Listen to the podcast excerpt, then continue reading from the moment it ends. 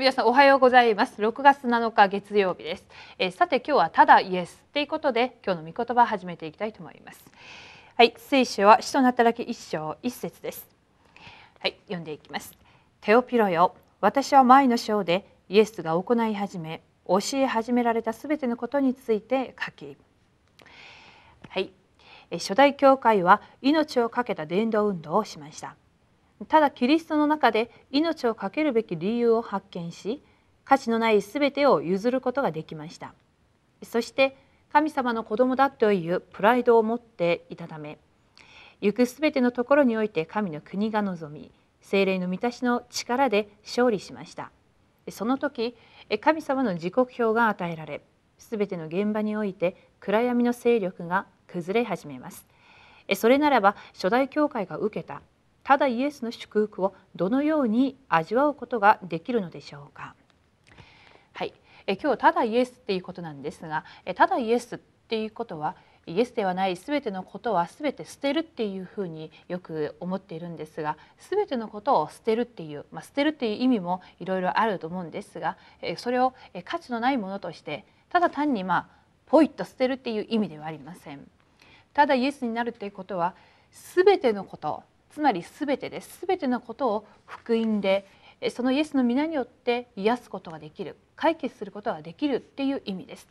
それで全ての問題の解決者だっていうことになります。ではですねこのような初代教会が受けた祝福ただイエスがキリストだっていうことの祝福を受けるために私たちが今日どのような、えー、今日の伝道そしてえ今日の御言葉祈りを見つけていかなければならないんでしょうか。それでは読んでいきたいと思います。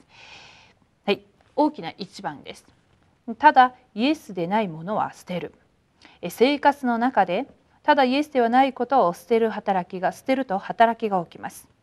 えまずえ牧会者は誠の福音を通してすべての人を助け使える主のしもべにならなければなりません。そして住職者は全ての人を理解して使いながら精霊の導きを受けなければなりません。最後に全ての信徒は礼拝の中で確実な答えを見つけて続く葛藤とさまよいを終わらせなければなりません。これが私たちが見つけて味わう答えです、はい、ただイエスではないものを捨てる。この捨てるっていうことはただ福音だけ教師が福音だけだから教師をやめてじゃあ福音だけを伝えようっていう意味の捨てる意味でもありませんし自分がせっかくやっていることを捨ててただ教会中心ただイエスイエスって言ってるそういう意味での捨てるっていう意味ではありません。捨てるっていうことは今日の講談メッセージそして今週の講談メッセージこのような祈りの手帳を通してのメッセージを通して本当に自分の問題に対する神様の御言葉が望まれるまでその御言葉を望まれるまで待つことそしてその御言葉がまた望まれるまで祈りながら本当にキリストをまた見つめていくっていう意味でのことであります。なのであれもこれも全てを捨てるっていうことではなく自分がいる立場や自分がしていることに対して本当の神様の計画を見つけていく作業を意味しています。なのでそこに集中していくっていうことが良いのではないかと思います。そういう意味でのキリストではないっていうものは捨てるっていうふうに考えていったら一番分かりやすくなると思います。はい、で次は大きな2番です。ただイエスを味わう。ただイエス以外の他のものを味わうと問題になります。今日から個人がただイエスを味わい始めると私がいる現場が変わり暗闇の勢力が打ち砕かれます。そして初代教会のようにただイエスを味わう人が集まると暗闇の勢力が崩れます。すべての問題を殉教の機会にすると問題になることは一つもなくすべてが祝福の土台になります。これがキリストを味わう奥義でありすべてのサタンの文化が崩れる奥義です。はい。問題に対して皆さん、えー、今日は質問してみましょう、えー、皆さんが本当に疑っていること悩んでいることに対して神様に質問をすれば神様はそれにふさわしい、えー、御言葉を通して皆さんと心と思いに、えー、御言葉で与えてくださるはずです。その胸にぶつかってきた御言葉を置いてその御言葉を一日中黙想してみましょう。その御言葉は皆さんの心と思いに皆さんの精神の中に魂の中に奥深く根付いていくまで皆さんが黙想してしながらそこから来るまた神様がその次のステップアップとして与えられる精霊の導きをまた受けてみていただきたいと思います。なので問題が来た時に戸惑わずそれに対する神様の計画を発見していくために今日ただイエスの中に入っていただきたいと思います。さて次は大きな3番です。ただイエスを味わうと確実な結果がわかる。